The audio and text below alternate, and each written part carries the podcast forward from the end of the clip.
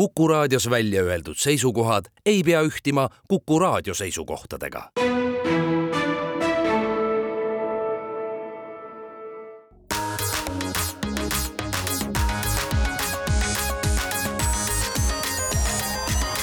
digitund.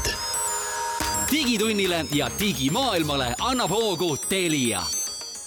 tere hommikust, head Kuku raadio kuulajad, on esmaspäev, üheteistkümnes detsember ja Kuku raadio stuudiosse on kogunenud nii nagu ikka Mait Tahvenau, Indrek Vaheoja ja Andrus Raudsalu, et tuua teile möödunud nädala tehnoloogia uudiseid ja traditsiooniliselt alustame ikka turvauudistest. Ja räägime ühest sellisest äh, huvitavast siis äh, teavitusest, mis tehti möödunud nädalal terve rea äh, riistvaratootjate poolt, nimelt on siis avastatud üks äh, täiesti uus turvanõrkus, selle nimi on Logofail. Ja Logofail siis iseenesest tähendab seda, et äh, noh, kõik need, kellel on siis võib-olla mingisugused äh, PC arvutid, teavad seda, et kui arvuti läheb käima, siis noh, ennem kui Windows või mingi muu asi seal käima hakkab, siis näidatakse kõigepealt mingisugust emaplaadi tootja logo näiteks seal arvuti ekraanil või siis arvutitootja logo või noh, kes iganes see siis on ja nüüd tuleb välja, et eh, kui siis eh, seda logo piisavalt hästi manipuleerida pahalaste poolt, siis on võimalik siis tekitada selline olukord, kus eh, tegelikult saadakse ligipääsu, ligipääs nii arvuti kõvaketastele kui mälule kui noh, paljudele süsteemi komponentidele ja noh, ütleme, et see logo laadimise hetkel on arvuti oma ühes niisuguses kõige nõrgemas staadiumis kaitse mõttes, et noh, kõik need võimalikud kaitsemehhanismid ei ole veel käivitunud ja see on siis see hea hetk, kus on võimalik siis sinna nii-öelda vahele lõigata ja, ja potentsiaalselt siis äh, mitte ainult ligi pääseda siis äh, noh, ütleme kõvaketastel ole, olevale andmestikule, vaid ka siis panna käima mingisuguseid äh, pahavaratükke teine turvauudis puudutas siis Bluetooth. oot, oota, Mait, ära veel hüppa sinna, kui sa nüüd tahad sellest Bluetoothist rääkida, siis nüüd, kui inimesed on seda kuulnud, siis me peaks ikkagi sellest ka rääkima, et mis, mis, mis, mis, mis, mis teha. toimub, eks ju, ja mis tegema no,. oluline, oluline on nüüd see, et, et, et see on täiesti universaalne turvanõrkus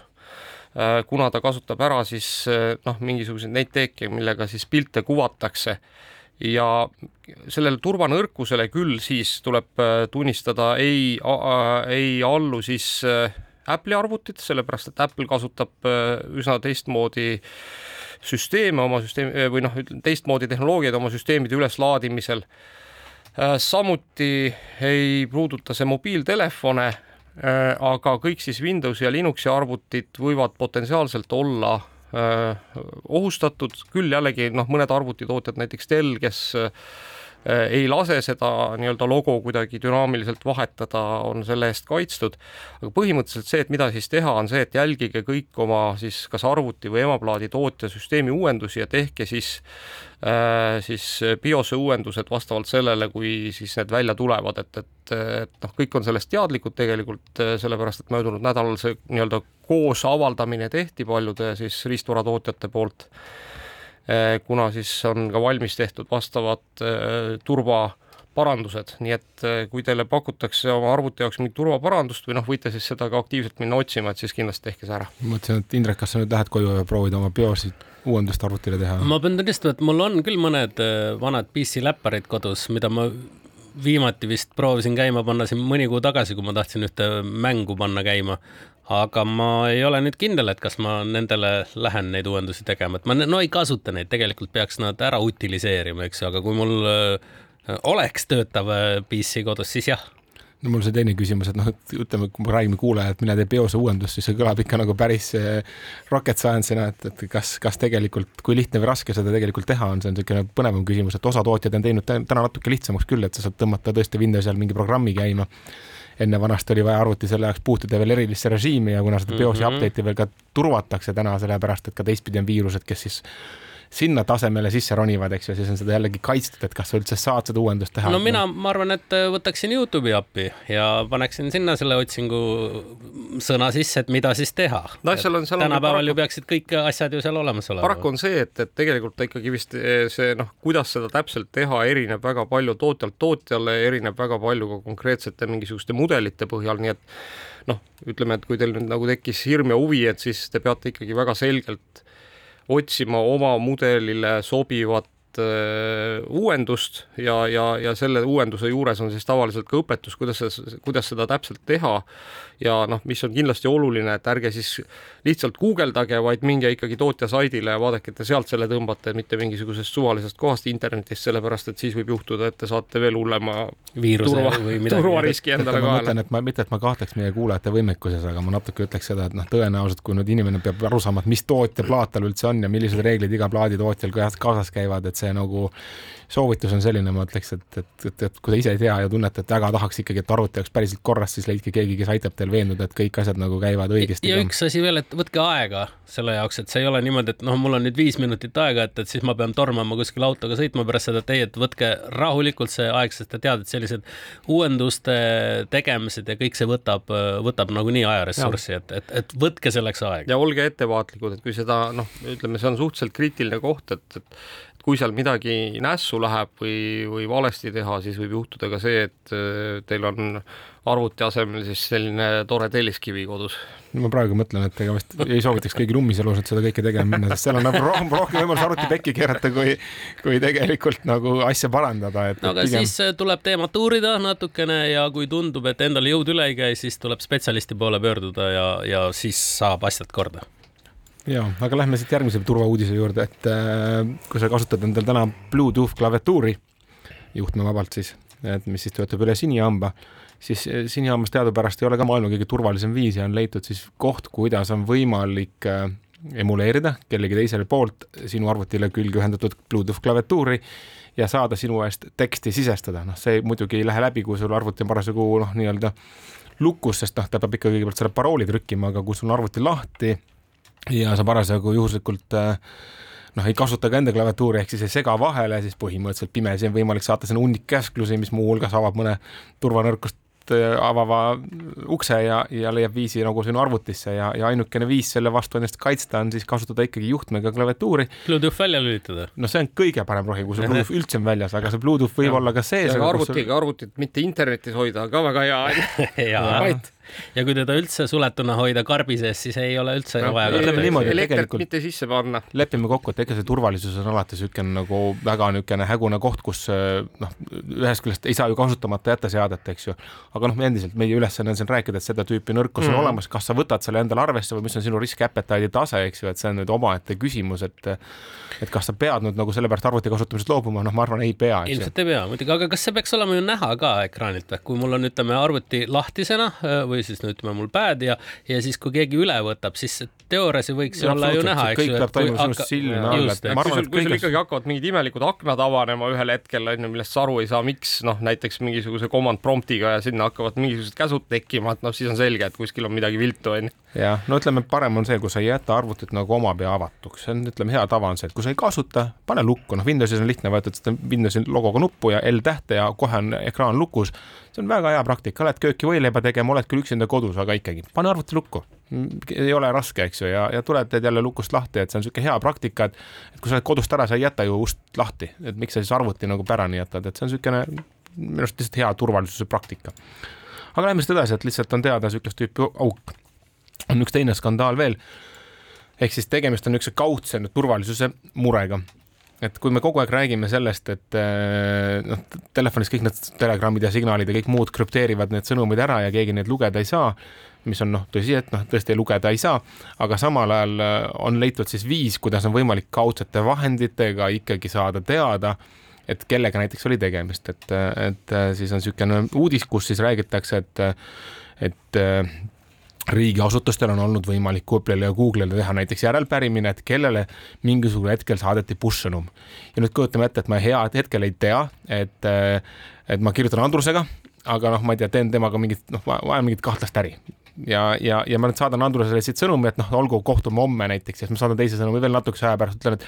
ja veel, veel niisuguse asja võtaks ka arvesse. siis me tegelikult teame, et Andrusele saadeti tollal hetkel kaks push-sõnumit, esimene on see, kus minu esimene sõnum ja teine teine ja selle abil me suudame ära paaritada, et millisele telefonile potentsiaalselt sellel ajal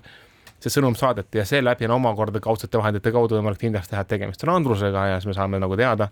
et, et, et see inimene on selle anonüümse konto taga. ehk siis push sõnumite nagu metainformatsiooni järgi, et mis ajal see sõnum sinna saadeti. kui sul selline informatsioon on teada, saad sa teada ja, ja push sõnumite puhul tuleb arvestada, et ükski rakendus ei saada otse telefoni sõnumit, vaid see käib läbi Apple'i ja Google'i serverite. nii et Apple'i ja Google'ile järelpärimine tehas ja öelda, et tegemist on ikkagi nagu mis iganes äh, murega, eks ju, legaalselt lähed, nõuad välja need andmed ja seeläbi saad siis teada, et, et, et kes see anonüümne kasutaja oli. siin on muidugi päris hea, et, et vaata noh, mõnikord need push sõnumid ju näitavad ikkagi ka äh, noh, mingisugust sisu, eks sellest näiteks tekstist või sõnumist või kas see võetakse kuidagi rakendusest? selles artiklis, mis Reutersis avaldatud oli, oli kirjas, et lihtsalt metaandmeid on näha, et ja, sõnumi sisu okay. ei ole näha, kas ja jah, sest ma just mõtlen, et, et noh, tegelikult iseenesest sellisel juhul on see igatahes turvarisk, kuna noh,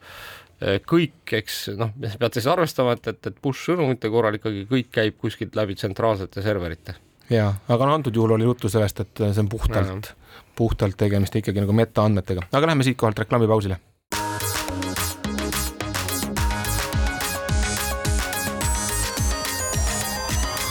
Digitund.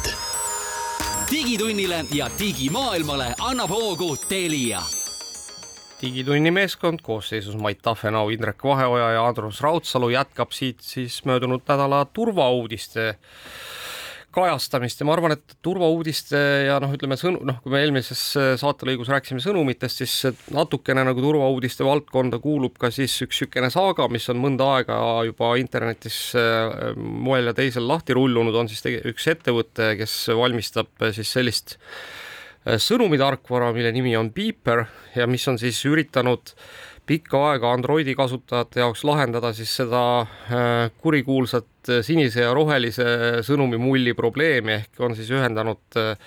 Androidi kasutajad Apple'i iMessage'i infosüsteemiga ma alustaks võib-olla selle uudise puhul nagu kolmest asjast. vaata, Beeperi esimene versioon oli selline, kus sa pidid Androidi puhul äh, ka loovutama oma Apple'i konto mingisugusele vaheteenusele, kes siis seda teenust vahendas ja ma ütleks, et see on esimene suur ohumärk, et ärge nagu noh, nii noh, ma saan aru, kui sa annad mingisuguse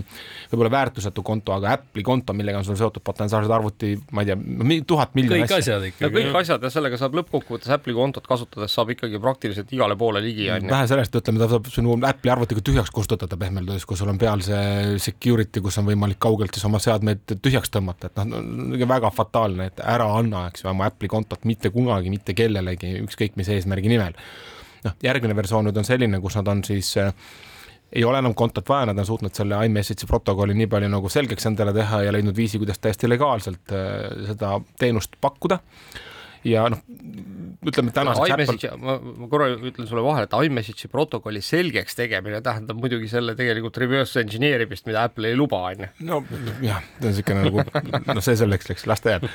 aga sõnastame siis olukorra niimoodi, et, et praegu õnnestus tõesti saada ka ilma nende kontodeta nagu Androidist Apple'ile nagu need Apple'i protokolliga sõnumeid ja siiamaani see probleemi lahendamine oli lihtne, et noh, tavaline SMS ei ole turvaline see on näha sinu mobiilioperaatoril, kõigil, kes seal tee peal on, see ei olnud mitte kuidagi krüpteeritud. seeläbi said Androidi kasutajad saata ka nagu turvaliselt sõnumeid ja selles mõttes nagu väga õilis eesmärk. aga, aga lähme ühe sammu edasi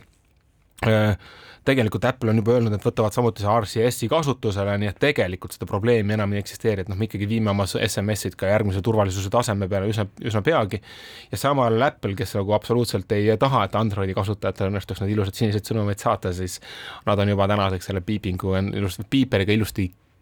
ma ei tea, kas ilusti või halvasti, aga, aga teenuse tõkestanud, nii et seda tüüpi nagu rakendust ei ole mõtet teil täna alla laadida. et teenus põhimõtteliselt töötab, aga ta ei lähe läbi ega seda töötamiseks saab nimetada, eks, et no nende poolt ju kõik töötab kuni selle hetkeni. noh, Apple on öelnud, et nad kaitsevad oma kasutajaid, eks see läbi ja noh, ega noh, tõsi ta on, eks, et, et kui keegi ikkagi nagu mingisuguse protokolli nagu just nagu reverse engineer ib, siis tõenäoliselt see päris turvaline lahendus olla ei saa. nii et noh aga ma ei tea, ma ütleks, et nad lõpud, süüdistada. lõppude lõpuks ma ütleks muidugi, et kõige suurem kaotaja on Apple ise, et ega need inimesed turv, kes tahavad turvaliselt sõnumeid vahetada, kasutavad niikuinii mõnda muud sõnumiplatvormi kui SMS, nii et noh, selles mõttes nagu ma arvan, et see sõda on natukene kaotatud, et selle rakenduse ainuke eelis on see, et ta on ainukene asi, mis on telefonides pehmelt öeldes nagu kohe olemas, saad kohe sõnumeid saata. nojah, eks ta on ikkagi nagu mõnes mõttes mugavusteenus, eks, ja noh, ega ka, ka see, et noh, et sinna on siis ikkagi täna integreeritud nagu võimalikult paljude igasuguste noh, muude asjade, ma ei tea, emotikonide ma ei tea, piltide, kaardilinkide, kus ma olen ja nii edasi, asjade saatmine on ju noh, mida tegelikult ilmselt saab ka paljude teiste sõnumirakendustega moel või teisel teha, aga noh, nüüd see ongi tegelikult noh, vaatame, kui me vaatame jällegi seda, et Ameerikas on Apple'i telefonid enam, enim müüdud telefonid või noh, Apple'i turuosa on seal üle poole vist väidetavalt juba täna on ju, et noh, eks see natuke on kõik niisugused pisiasjad, et noh, et, et selleks, et oma lapsega paremini suhelda, on ju, noh, ja mitte siis kasutada mingeid keerukaid mehhanisme, ostan talle pigem Apple'i telefoni. noh. siis ei olegi üldse mingit no, probleemi, eks ju. just. Aga igal juhul kokkuvõtteks võib öelda jah, et, et Beeperit täna ei ole mõtet alla laadida ja, ja väga tore katse muidugi, aga, aga kahjuks, kahjuks see ei ole, ei ole täna saadaval. jaa, aga lähme siit edasi, et äh, me rääkisime siin möödunud nädalal äh, Google Drive'ist kaduvatest failidest ja nüüd väidetavalt Google on siis oma viimase äh, siis Google Drive'i desktopi versiooniga suutnud just nagu selle turvavea parandada. sõnastame see uuesti see probleemi ka, et väidetavalt, mitte väidetavalt, aga Google'i failide kasutajatel juhtus selline probleem, et failid kadusid ära ja just, ja olnud... no justkui nagu sünkroniseerimise käigus, kus nad oleks siis pidanud nagu ka desktopilt sünkroniseeritama kuhugi võrku, läksid osad failid kaduma, kusjuures see ei toiminud mitte kõikidel kasutajatel, pigem oli neid kasutajaid vähem ega me tegelikult ei tea ka, sest noh, Andrus, kui tihti sa auditeerid, et no, kas jah, kõik dokumendid on olemas? tõepoolest, eks ma arvan, et mul on nagu, mul on nagu noh, kümneid tuhandeid faile tõenäoliselt Google'isse sünkroniseeritud, et päris keeruline on ausalt öeldes minna üle lugema. ja vähe sellest, tõenäoliselt süüdistad ikkagi lõpuks ennast kõigepealt, sellepärast et noh, et äkki ma panin kuskile teise kohta ja ma ei leia üles ise olen loll, eks ju, aga mhm. tegelikult hoopis Google. nojah, ega, ega lõppkokkuvõttes on ka see, et kuna on ju nii palju erinevaid seadmeid, eks ühendatud sellega, et noh, et sa ei tea, et äkki sa tõesti mõnest seadmest siis nagu tegid selle kuradi triki, et kustutasid ära selle ja, ja kogu lugu on ju, et et et, et lõppkokkuvõttes äh, noh, ütleme nii, et, et jah, see, et, et väga vähestel inimestel see probleem ilmnes, ilmselt on tegu siis ka väga noh, tähelepanelike inimestega, kes väga täpselt jälgivad. vähesed inimesed, kes auditeerivad oma faile. või oli neil väga vähe faile, eks, et mis oli kohe see kadumine oli selge. aga igatahes Google väidab, et ta on selle probleemi oma uue siis äh, viimase tarkvara uuendusega lahendanud Äh, kuigi juba internetis ringlevad ka vastupidised arvamused, on väga palju inimesi, kes on öelnud, et noh, see justkui nagu ikkagi ei lahendanud nende probleemi, et see, kuigi Google on selle siis oma noh, nii-öelda vigade listis märgitud, märkinud probleemi lahendatuks ja, ja sulgenud siis kõikvõimalikud selle, sellega seotud äh, edasised Foorumi postitused, aga, aga jah, ütleme, et osad inimesed siiski väidavad, et, et kogu see Google'i Äh, pakutud lahendus tegelikult probleemi ei lahenda, nii et äh, kes tahab proovida, kellel see mure on, siis äh, teadupärast on siis täna võimalik alla laadida Google'i Drive'i desktopile uus versioon, mis on kaheksakümmend neli punkt null null null kaheksakümmend neli punkt null punkt neli punkt null. olgu peale, igatahes sa laed selle kõige viimase alla ja sa pead tegema enda recovery ja kui sa teed recovery, saad määrata endale uue kataloogi, mille sisse siis äh, recovery tehakse ja sinna peaks tekkima tagasi kõik su failid, nii et sul on võimalik saada sealt ülevaade, kas need failid, mis mul muidu peaksid olema ja seal olevad failid on siis noh, samad ja, ja kas seal see, need failid on olemas. Väidetavalt see lahendus ei tööta kõigil, aga, aga, aga võiks töötada paljudel. nii et kui teil on see mure, vähemalt teil on üks päästerõngas täna juures jaa, aga rääkides veel Google'ist, siis äh, üks positiivne uudis ka Google'i poole pealt on see, et et Gmail siis on saanud äh, väidetavalt uue spämmivastase kaitse, mis on senisest ikkagi oluliselt tõhusam ja, ja väidetavalt siis umbes kolmkümmend protsenti rohkem suudab siis äh, erinevaid spämmisõnumeid kätte saada. Ja siin nimelt on siis trikk olnud pikka aega selles, et et kuna noh, ütleme, et inglise keele või eesti keele C-täht ja näiteks vene keele S-täht või kirillitsa S-täht näevad täpselt ühtemoodi välja,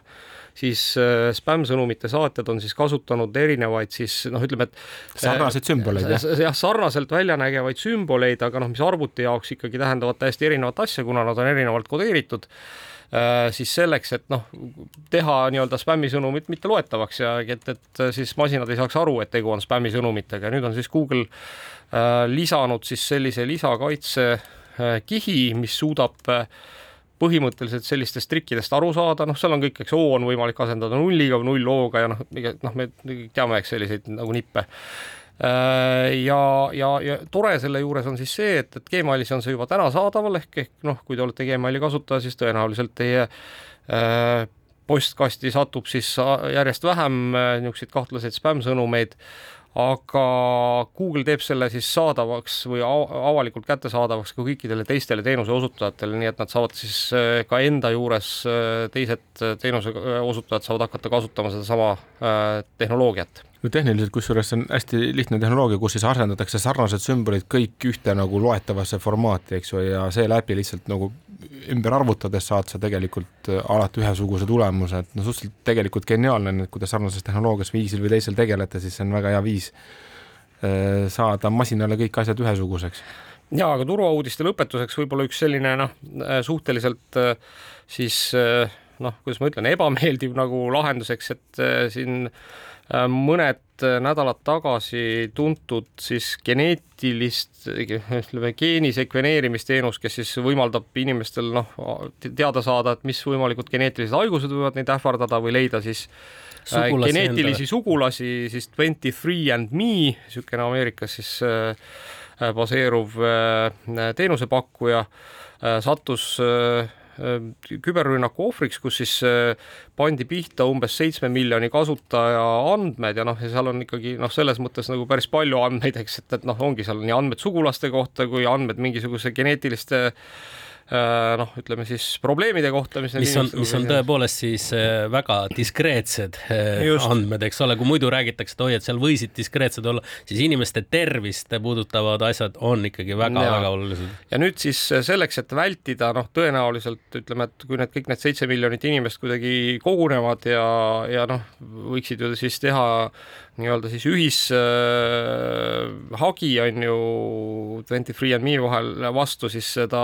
nutikalt siis muutis oma kasutustingimusi ja kasutustingimustesse siis kirjutas seda, et, et põhimõtteliselt ei, ei tohi kasutajad siis ühishagi tema vastu esitada. Ja, ja tegi seda ka sellisel moel, et põhimõtteliselt andis siis teada, et, et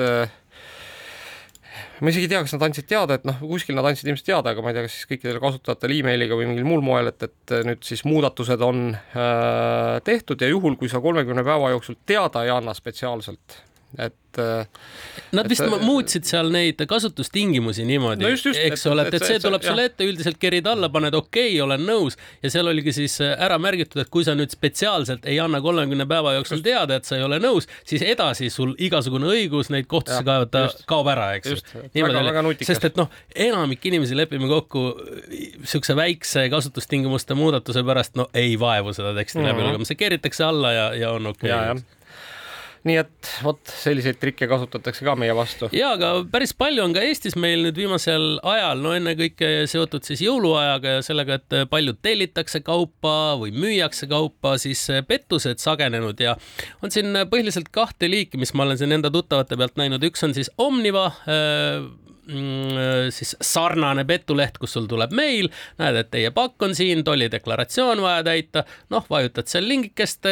muude tööde sees ja noh, paned siis pinnikesi ja, ja siis ühel hetkel saad äh, pangast ilmselt kõne, et, et näed, kuulge, et nüüd on halvasti läinud, et sa ei pane seal võib-olla töö sees tähele, et, et, et aadress ei ole päris nagu õige, mis võiks olla, aga noh, vaata, et seal võib-olla ei tööta ka see süsteem nii kiiresti, aga kes siis ei oleks kohanud seda, et, et, et sa ei saa pakki õigel ajal kätte ja, ja mingid jamad on, eks ole, ja no mis päädib ikkagi sellega, et sa pead kõik oma eh, panga ja, ja mobiil-ID ja noh, kõik, mida sa siis iganes kasutad, andmed ära muutma, aga, aga teine asi, mis mul on endal paaril sõbral nüüd siin viimasel ajal juhtunud, on kui müüa Facebook Marketplace'is siis näiteks mingit kraami, siis esimesed tüübid, kes sulle helistavad, on juba skämmerid, nad ütlevad nii, okei okay,, et kas te saate kauba ise ära tuua, siis ütles noh, et ei saa, et võib-olla kapp on suur ka, mul ei ole sellist masinat, aga teeme siis niimoodi, et ma saadan TPD kulleri teile järele. Ja siis tuleb hopsti sulle emailikene, sisesta sinna omad andmed ja kui sa seda teed ja ei pane täpselt ka tähele, sest et sul on ikka, tekib väike hasart, eks näed, saan oma kraami ära müüa, ei pane, võib-olla või vaatad telefonist, kus sa ei näegi kohe selle esimese hooga, kui sa spetsiaalselt ei süvene, et kes see saatja on ja siis on täpselt samamoodi läheb, et saavad siis häkkerid ligipääsu su, su andmetele e, ja noh, saavad ka pangakontole, eks ole, nii et tuleb erakordselt ettevaatlik praegusel ajal olla, need eh, pettused eh, läbi näha, aga noh, oluline häda on sellest, et see mass läheb nii suureks, et noh, mitte unustada ennast. aga läheme siitkohalt nüüd reklaamipausile.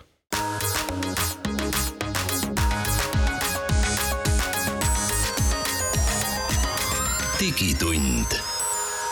digitunnile ja digimaailmale annab hoogu Telia.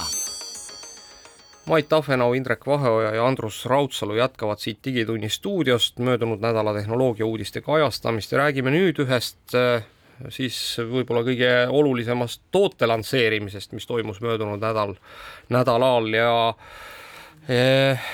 tegu on siis äh, Google'i äh, tehisintellekti projektiga nimega Gemini, mida vist siis al-, kõige algselt tutvustati juba kevadel äh, Google'i arendajate konverentsil, aga noh, siiamaani ei ole sellest olnud äh, kippu ega kõppu kuulda ja möödunud nädalal siis lasti välja esimesed Gemini demovideod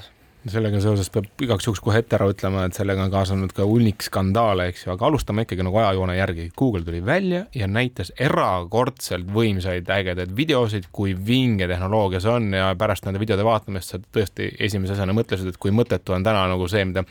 chat-GPT nagu pakub võrreldes sellega, millega Google täna välja tuli. Need näited olid ikka üliägedad inimene hakkas seal joonistama, eks ju, siis küsis, mis see on, noh, et esimene kord ütles, noh, see ilus kurviline pilt, eks ju, siis joonis minu arvates sellele pardile sinna jalad, eks ju, siis küsis, mis see on, siis juba ai sai aru, ahah, sa vist joonistad mingit lindu, eks ju, värvis selle siniseks veel, eks ju, ja siis noh, küsis jällegi, et mida sa näed, eks ju, ütles, et noh, see on sinine, aga ta meenutab pigem parti, eks ju, ütles, et pardid tavaliselt sinised ei ole enamasti midagi ülihästi nagu sai aru. rääkis sellest, et mingid pardiliigid ikkagi on ka sinised, on ju, ja need on nagu sellised ja sellised ja noh, jah. ja siis teine näide näiteks oli see, et vehkis oma käega seal all, küsis, mis ma teen, eks ju, siis kaamera sai aru, et ahah, sa vist mängid kivipaberkäärid, eks ju, et noh, et jällegi noh, sai kohe aru, adapteerus selle olukorraga. no erakordselt hästi, noh, tavaliselt on ikkagi niimoodi, et ka noh, inimesega mängides sihukest mängu selle jaoks, et noh, ma ikkagi nagu midagi teeks, seal on alati kombinatsioone on ju rohkem, eks ju, aga see oli erakordselt täpne. ja see muidugi päädis nagu ilgelt suure skandaaliga, sellepärast et noh, tuvastati üsna peagi, et, et noh, see ikkagi nii äge olla ei saanud, eks ju, noh, seal oli palju põhjuseid, miks ei saanud olla, aga, aga noh, terve internet täna on täis, kui te neid guugeldate Gemini kohta, siis tõenäoliselt leiate pigem artikli, kuidas kogu see video oli. kusjuures, kusjuures, kui te nüüd hakkate guugeldama, siis ma ikkagi soovitan guugeldada ka seda, et, et minge lihtsalt Youtube'i ja ja otsige sedasama Gemini, Gemini demot ja noh, seal on, seal on siis noh, seesama video, millele Mait viitab, pluss veel umbes kümmekond nagu erinevat niisugust kolme-neljaminutilist videot, kus siis Google näitab seda, et, et kuidas programmeerida tulevikus. kuidas, kuidas siis Gemini'd nagu erinevates olukordades kasutada, mis kõik on tegelikult väga noh, muljetavaldavad. Aga no ütleme, noh jällegi me ennem arutasime ka, et huvitav, kuidas nüüd sellele asjale nagu läheneda, aga, aga reaalsus on see, et Google ise on ikkagi mingites kommentaarides äh, näppu otsaga vihjanud, et noh, et see pigem oli näide, milline see tulevik on, kui see, et see nagu päriselt nii on, et aga noh, võta nüüd kinni, sest see ei ole nagu noh, Google on olnud üsna tagasihoidlik nende kommentaaride osas, aga kuna neid artikleid on nii palju olnud, siis äh, ja Google nagu mingit statement'i ei ole sinna vastu nagu tegelikult selgelt öelnud, siis see on selge, et, et et juttudel on ka tõepõhi all, et, et ei olnud ikkagi tegemist päris sellise tehnoloogiaga, mis on juba olemas, vaid pigem ikkagi nagu viide sellele, mille nimel nad tööd teevad ja, ja terve see video oli siiski jupphaaval näidatud no ütleme no, nii, et võib-olla sa teed võib-olla, võib-olla selles, selles mõttes, et me ei saa ikkagi süüdistada Google'it nüüd nagu päris pettuses, eks, et, et tegelikult kõik need, kõik need noh, videos näidatud sündmused Äh, Gemini valvsa pilgu all toimusid, on ju, ja ta noh, neist midagi järeldas, et noh, nad olid lihtsalt nagu noh, ütleme, et vahepealsed nagu ilmselt mökutamise kohad olid videost, videost välja no, lõigatud, on ju, noh, ja siis see jooksis et... nagu väga siukselt sujuvalt ja ägedalt, et äh, kas sa tahaksid sellise demo ajal näha siis seda pikka mõtlemist ja, ja kõike siukest, ikka seal muidu läheb ju tähelepanu kõrvale, sa selgelt äh, tahaksid näha, et kõik on nagu sujuv ja hästi kiiresti läheb, aga, aga siin ongi nüüd see, et, et noh, et, et kuna osa on siis ära lõigatud sellest videost, et et kas ta siis on päris või on fake, no Google pani üles ka How they made it ja ma ei tea, kas see nüüd on tõsi või vale, aga ütleme, enim järeldusi on sellest tehtud, et Google ikkagi näitas hoopis kaadrist, kaadreid videost, eks ju, äh, masinale kuigi noh, Google ise näitas, et nad on video, eks ju, ja mm -hmm. masin nägi ikkagi videot. mina, mina näiteks lugesin seda Google'i How they made it artiklit ja noh, seal küll nagu noh, ütleme, et seal olid konkreetsed kaadrid küll välja toodud, aga noh, seal ei olnud kuskil öeldud, et oleks neid näidanud nagu stillkaadreid, vaid noh, pigem olid need nagu illustreerivaks seda kohta, eks videos, aga noh, ma ei tea jah, eks sealt noh, pahatahtlikult või heatahtlikult, eks võib igasuguseid asju igalt poolt välja lugeda, et et noh, selge on see, et ilmselt see Gemini ei ole veel täna päris tootmisvalmis, kuna Google on noh, ma arvan, et nad plaanisid ja algselt oligi ju mingisugune ka niisugune kuulujutt liikumas, et Google plaanib ikkagi detsembris midagi lansseerida, noh täna on pigem räägitakse sellest, et see on edasi lükatud kuhugi jaanuari, muuseas tegime siin enne saadet ka väikse katse, küsisime siis Google Bardi käest, kes äh, siis väidetavalt äh, peaks olema esimene, kes siis Gemini'd hakkab äh, laialdaselt kasutama, et küsisime, et millal siis Gemini saadaval on ja noh, ka Google Bard ütles, et et esialgu ikkagi veel ei ole ja, ja, ja noh, tõenäoliselt tuleb jaanuaris, nii et no selge on see, et ta selline tuleb, aga noh, küsimus on millal, et noh. ta ei ole veel valmis, eks ju, niimoodi ilmselt. ja erinevus on ka kõige suurem selles, et nad on teinud ka väga palju erinevaid performance teste ja öelnud, et nad on väga palju kiiremad kui GPT-4,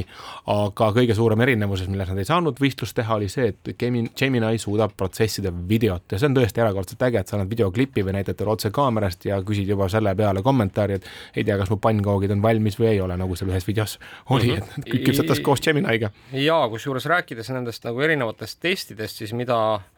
mida selle Gemini'ga on tehtud, siis ikkagi nagu kõige võib-olla muljetavaldavam oli see, et, et siis on üks selline test, kus siis eh, noh, ütleme, et hinnatakse siis arusaamist erinevatest probleemidest ja noh, seal on igast matemaatika, loogika, kõikvõimalikke ka keelega seotud nagu küsimusi ja nüüd siis esimest korda väidetavalt on tehisintellekt selles testis äh, siis to-, toimetanud parema tulemuse või saanud parema tulemuse kui inimene. Äh, noh, äh, jällegi seal need noh, ütleme, et tulemuste erinevused pigem on nagu kuskil komakohtades, aga, aga noh, ütleme iseenesest, kui see on tõsi, siis see on ka kindlasti märkimisväärne saavutus. Aga ütleme niimoodi, et üks peamine asi, miks mina natukene skeptiline sellises masinas, mida nagu praegu seal videos näidati, on see, et vaadake, me elame kõik natuke erinevas kultuuriruumis ja mitte isegi maailma lõikes, vaid ka tegelikult minu pärast kas või meie Eesti lõikes, et noh, et minu lapsepõlv või Andruse lapsepõlv oli küll mingis osas tõenäoliselt sarnane, aga väga paljudes asjades ka erinev, eks ju, ja nüüd on küsimus, et kes millist asja mõistab ühe või teise käemärgi abil, võivad olla kardinaalselt erinevad, et nüüd oodata, et masin kohe saab aru, mida mina silmas pean, noh, see ei ole reaalne no, ootus. eks ta, eks ta ju masin näeb sinu asukohta geograafiliselt ja nii edasi, et ja võtab arvesse. sellest, sellest suudab teatavaid järeldusi teha. ja neid, kes ümber on ja nii edasi. ma arvan, et ta on väga osav nendest asjadest, mis on mainstream ehk siis no mis on põhiline asi, mida me täna fookuses näeme, et nendes osas asjadest ta kindlasti on osav, ta on statistiliselt keskmise järgi ju opereeriv.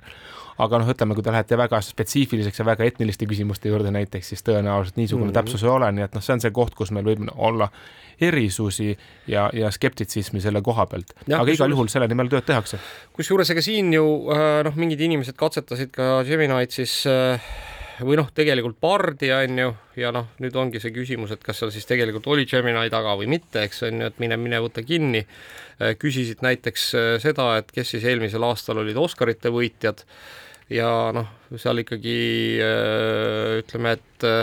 ma, ma arvan, et mingist kümnest positsioonist umbes kolm pani Bard ikkagi täiesti valesti, noh, pani lihtsalt teised inimesed. Noh, küll selles mõttes, see tõenäoliselt ka minu arust olid seal kõik, noh, kõik olid nominendid jah, aga noh, mitte, mitte lihtsalt mingit suvalist inimest ei -hmm. võetud, on ju, aga aga, aga noh, ütleme, et vastused olid ikkagi valed, on ju, noh näiteks sama, sama siis tehti sama test, eks pingiga ja noh, pingi vastused olid täiesti õiged kuigi ka täna, eks pardis on selles mõttes on niisugune huvitav nupp, et, et siis kui ta seal pardis siis seda temaga chat ite, siis äh, kõigi vastuste juures on siis all selline nupp, mida vajutades on võimalik selle vastuse õigsust üle kontrollida ka Google'i otsingu abil, et siis tehakse kiire nagu noh, ütleme, et otsing ja siis märgitakse ära need vastused, mis on Google'i otsingu alusel ka selgelt õiged. aga kas Bard annab sellele ka kommentaari, et kui ta ütleme, on midagi valetanud miks sulle, miks ma nii arvasin? miks ma niimoodi arvasin? aga see on võib-olla no, ikkagi see koht, kus tuletada kõigile meelde, et noh, tegemist on statistikaga, eks ju, et noh, lähtub ikkagi parimast statistilisest tulemist, et fakte ei ole mõtet küsida, ma arvan, et mõistlik endiselt on kasutada kõigiks, mis on loominguline või kutsuda appi tegema midagi, noh, minu arust see oli hea näide, et noh, küpsetad ai-ga koos pannkooke, noh, see on niisugune asi, kus noh, tõenäoliselt sihuke average'i saad igal juhul okeilt kätte, aga ei no aga võime ka sinnamaani minna, et mäletate, kui Vikipeedia alles algas ja oli algusaastates, siis öeldi ju kogu aeg, et ärge võtke Vikipeedia artikleid nagu tõe pähe, et sinna võib igaüks põhimõtteliselt kirjutada ja hiljem hakatakse kontrollima, et praegu samamoodi, eks nagu Mait, sa ütlesid, et noh, faktide kontrollimiseks, et, et tingimata, ah, ma panin äh, sisse ja mulle tundus, et on niimoodi, noh, et sealt, sealt tuleb jätta see, see võimalus, et, et tuleb ikkagi kontrollida, et mitte pimesi usaldada. Ja, ja seal muuseas, aga üks, üks hästi huvi, huvitav asi, mis, mida siis näidati ka seoses selle Gemini'ga, et mis siis äh, uued lahendused veel võiksid tekkida, on, on siis üks, äh, mis mulle väga meeldis, mille nimi on Project Elman, mis on siis äh, ristitud kuulsa siis kirjanduskriitiku Richard David Hellmani järgi kus äh, siis Gemini teeb sinu Google'i fotodes olevate fotode sinu noh, mingisuguse Google Maps'i äh, data järgi noh, põhimõtteliselt paneb niisuguse helikopteri view sinu elule kokku või noh, saad ülevalt alla vaadata, et, mida sa siis oma elus teinud oled. võib, võib näiteks, võib näiteks tema käest ka küsida selliseid küsimusi, et noh, et et äh, mis sulle tundub, et mis minu lemmiktoidud on, siis ta vaatab järgi, et noh, et mida sa seal põhiliselt pildistanud oled ja ütleb näiteks, et noh, et ma ei tea, et sulle meeldib burger või pitsa onju mhm või praemune. jah, ja, ja, ja, ja selles mõttes, et noh, kui sellised lahendused tulevad, on nagu tõesti väga tore. aga nüüd ennem kui me selle äh, Gemini jutu kokku tõmbame, ma tahan öelda veel ühte asja, et, et, et ükskõik kui noh, ma ei tea, vale või, või halvasti ta praegu töötab, igatahes Google'i Äh, noh, ütleme siis tulemustele on Gemini kasulik, sellepärast et pikka aega on turgudel olnud mure selles, et Google on teistest maha jäänud oma tehisintellekti arenduste tõttu ja nüüd siis see mure justkui sai nagu teatava leevenduse ja üllatus-üllatus, eelmisel nädalal siis peale seda Gemini demode avaldamist äh, Google'i siis turuväärtus kasvas umbes üheksakümne miljardi dollari võrra, nii et äh, ütleme, et vale või mitte vale, aga igatahes demod oma tulemuse tõid. aga lähme nüüd kuulame reklaami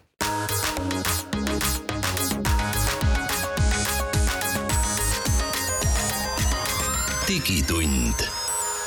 digitunnile ja digimaailmale annab hoogu Telia digitunni viimane veerand on teiega, stuudios jätkuvalt Mait Tafenau, Indrek Vaheoja ja Andrus Raudsalu ja lõpetame nüüd oma tehisintellekti uudiste ploki kahe Telegrami stiilis uudisega. möödunud nädalal siis avaldas Apple, keda pikalt on siis süüdistatud selles, et ta ei ole tehisintellekti vallas teinud mitte midagi, oma siis äh, masinõppe võr-, siis framework'i, mis on spetsiaalselt siis Apple'i arvutitele disainitud, nii et kõik, kes siis tahavad katsetada ja kasutada Apple'i siis tehisintellekti arendusi, nüüd on GitHubis võimalik neile ligi pääseda no plaksutaks ainult siis, kui mul see Siri seal telefonis lõpuks muutuks väärtuslikuks, et noh, ta on nii maha jäänud ja samal kuule, ta vaikselt ikkagi muutub, Mait, usu mind, sa lihtsalt ei pane seda tähele. sa pead kasutama ka. võrreldes, võrreldes, võrreldes tema mahajäämust nagu noh, paar aastat tagasi versus nüüd on ta ikka oluliselt paremaks läinud aga teine minu arust tore siis äh, tehisintellekti uudis on see, et äh, siis ainult muidugi loomulikult X-i tasulistele kasutajatele on väidetavalt siis saadaval nüüd ka Grok ehk siis Elon Musk'i äh, tehisintellektil põhinev äh, chatbot ja siis Grokis äh, on siis olemas äh, selline funktsioon, kus saab lasta kedagi roast ida, ehk siis noh, teda siis nagu nii-öelda siis tema, tema arvel ar,, arvel hambaid teritada ja loomulikult on seda kõvasti ära kasutatud, on siis lastud Grok, Grokil Elon Musk'i igatepidi roast ida. ja noh, minu arust ikkagi parim, mis Grok on öelnud Elon Musk'i kohta, on see, et et äh, sa oled äh, Tesla autopiloodi inimanaloog, et sa arvad, et sa lähed igale poole, aga tegelikult oled sa kõigile ohtlik. No teda seal Krokk äh, nimetas ka siis äh,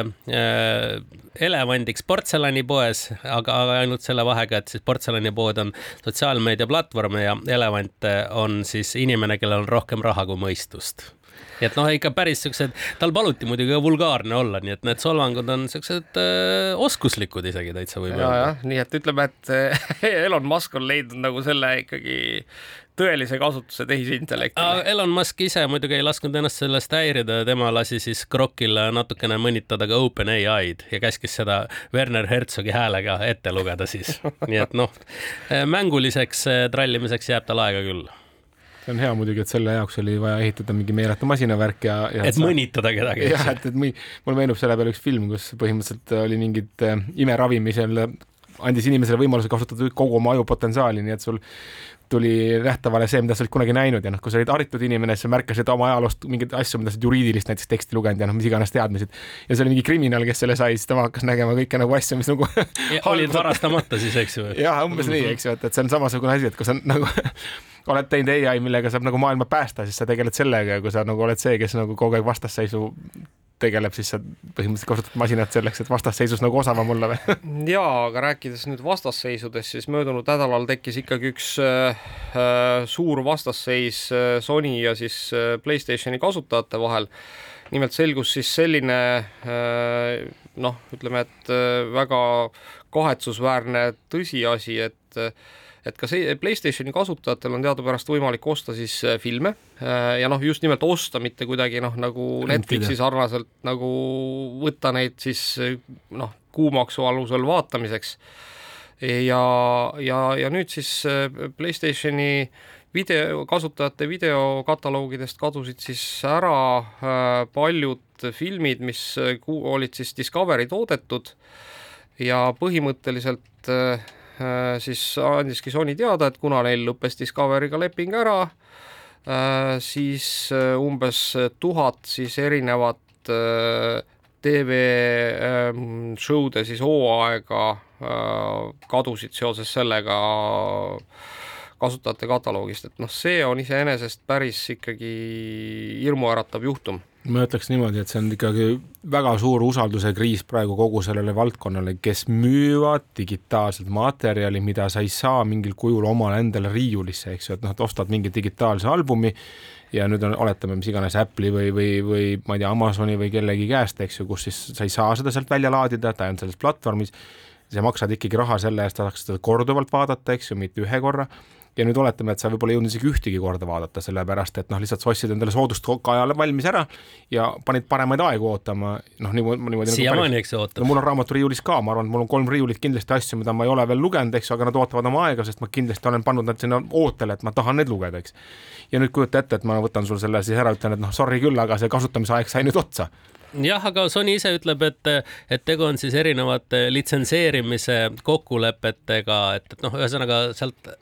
veeretatakse, mulle tundub see süü ikkagi noh, nii-öelda filmitootjate või omanike peale. see on see koht, kus ma ütleks, et ole aus, noh, et ütle ära, et et meil on niisugune diil, see kehtib nii palju aega, võimalik, et pikendame, võimalik, et ei pikenda, aga selle eest on sul võimalik osta no, endale selle ajani. kujutad, kujutad siis ette, et mitu inimest nagu ostaksid selle asja, kui sul on nagu, kui sul on nagu niisugune klausel, et noh, vait, et sul on sama, et, et sul noh, lähed ostma seda raamatut oma raamaturiiulisse ja siis raamatupoe müüja ütleb sulle, et et noh, et selle raamatu sa saad, eks, aga noh, aga, aga võimalik, et kolme aasta pärast pudeneb ta tolmuks, on ju kusjuures ega ta, ega ta kas sa siis ostaksid selle raamatu? kui sa need raamat liiga kaua riiulis on, eks ta läheb mingil hetkel päris kollaseks ja mõnest raamatust on ka raske tähti lugeda, aga jällegi võib-olla see lõpetab ära niisuguse nagu rumala ostu siis, et ta jätab alles selle ostu, et ma tõesti tean, et ma ostan selle siis, kui ma päriselt otsustan need saapad jalga panna, mitte et ma võtan kolme aasta pärast karbist välja, avastan, et tald on murenenud. aga võib-olla ta ikkagi su suunab inimesi, kes tahavad omada mingit filmi või teleshow'd sellele, et ta ostab ikkagi füüsilise koopia. aga seda ei saa osta. Blu-ray'd, no ikka saab. ei saa, no, no, no, no kõike jah, muidugi ei saa, aga palju seda ikkagi enam lihtne ja kuhu sa ostad selle Blu-ray, kuhu sa no, selle pistad nagunii ainult kodus? Blu-ray mängijasse, mis mul kodus on olemas juba varasemast ajast eks. milleks, milleks Indrek? no aga kui mul on kaks filmi, mis ma aastas tahan sealt vaadata, kuskohast ma neid siis vaatan, et, et no vaata, siis võib-olla ongi see, et sa ei pöördu mitte uute asjade, sa ei taha uusi asju osta, vaid siis ah, ma võtan parem klassika, see on mul plaadi peal olemas, seda ma saan alati vaadata. rääkimata, rääkimata, rääkimata näiteks sellest, et noh, et see Blu-ray on plastmassist karbis on ju,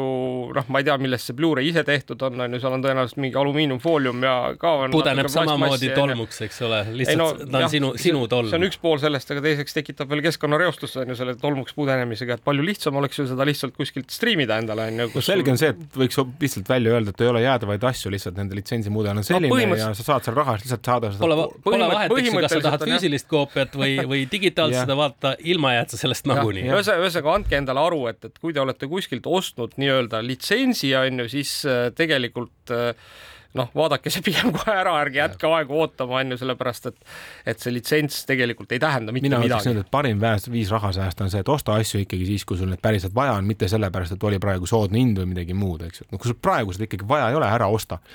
ja noh, eriti veel need digitaalsed teenused, eks ju. mis sa siis plaanid oma kolme raam-, riiulitäie raamatutega, Mait, siis teha? ausalt öeldes, et see on eriti keeruline olukord, et nende raamatutega ma ei saa nagu loobuda nende ostmisest, sellepärast et nende paha on see, et hiljem neid kuskilt saada ei ole. muidugi võid öelda, mine raamatukokku, noh, mõne mm -hmm. raamatu järjekorda ei tea, millal, eks ju. kõiki saad... ei ole ka raamatukogudes. ja ütleme, neid ei ole ka pärast kuskilt mujalt enam saada, lihtsalt see on niisugune asi, mida ei ole ja ei tule, see on praegu, kui sa tiraažist osa ei saanud, noh, kõik noh, see on kõik, lihtsalt mm -hmm. midagi teha ei ole. Ma küll ei eelista neid lugeda, ma tegelikult hea meelega kuulaks oma raamatut, ma päriselt valdavalt enamus oma kirjandusest täna kuulan, mul on päris palju erinevaid teenuseid ostetud, kust kaudu neid kuulata saab, kahjuks kõik kodumaised, ma pean ütlema, kvaliteedis on mitte sisu poolest, vaid just selle rakenduse kvaliteet on nii kehva, et küll nad kaotavad järjehoidjad ära ja noh, nii edasi, see on tõeline jama. Inglisekeelsetega õnneks nii hull see olukord ei ole aga noh, see on see aeg, mida mul on rohkem käes, ma lähen mingit sporti tegema ja kuulan selle taustale ära raamatu. et kui ma saaks nad kõik niisugusele kujule, ma, mul ei oleks kodus ühtegi raamatut et, et kahjuks see on ainuke asi, mida ma pean ostma, sest noh, see on ainukene viis, kuidas neid valdavalt saab ja kõik kirjastajad millegipärast ei ole digiraamatute usku, ma ei tea, mis iganes põhjusel. vanas ajas oleme kinni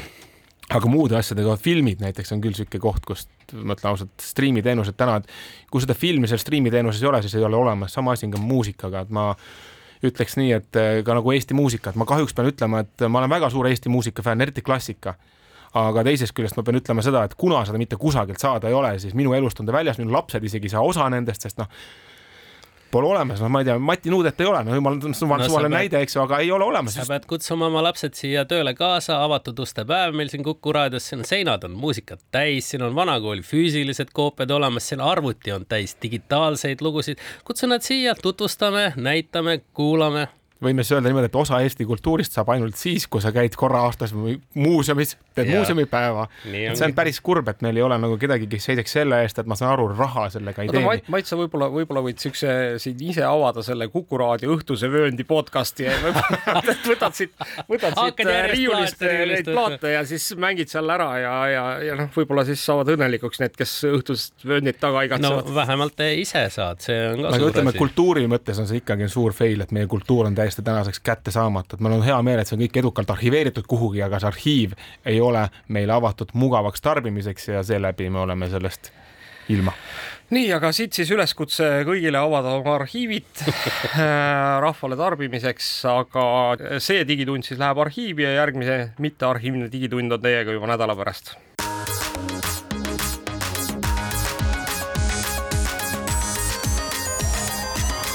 Digitund